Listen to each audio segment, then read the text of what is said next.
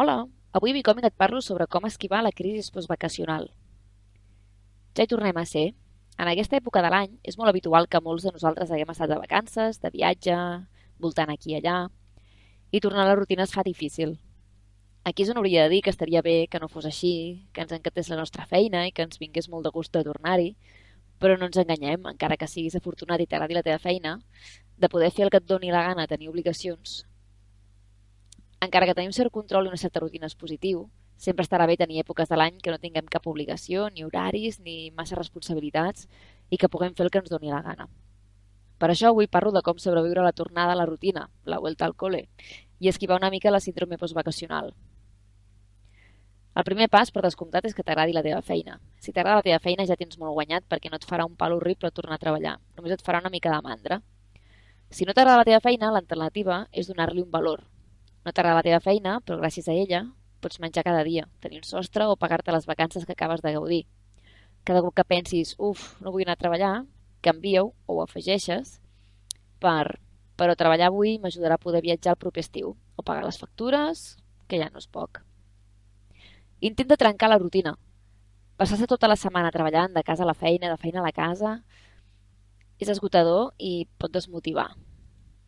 Si aprofites entre setmana per anar a prendre alguna cosa amb un amic, anar al cine o simplement agafar-te una hora per estar tranquil i llegir, és suficient per descansar de la voràgina laboral i fer-ho més fàcil. Pensa en l'ara. Deixa de pensar en el passat o el futur i, futur i centra't en el que estàs fent. Pensar constantment en les vacances que ja han passat i el temps que queda per les properes tampoc t'ajudarà a sentir-te millor. Centra't en el que estàs fent, intenta fer-ho el millor possible i pensa, en qualsevol cas, a més curt termini el que faràs aquesta setmana i aquest cap de setmana. Si no pots evitar pensar en les vacances, aprofita per pensar-hi en positiu.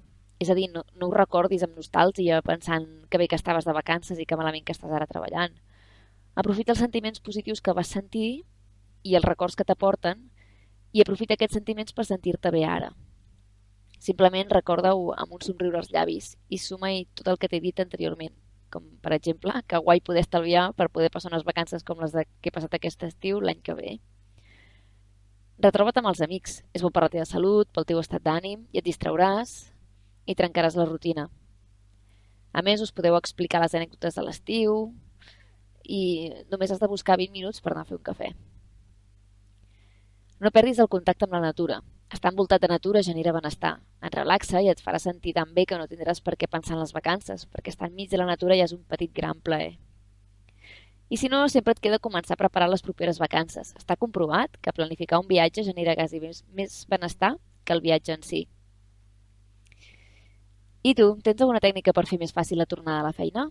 Explica'm-ho a www.becoming.cat. Fins aviat.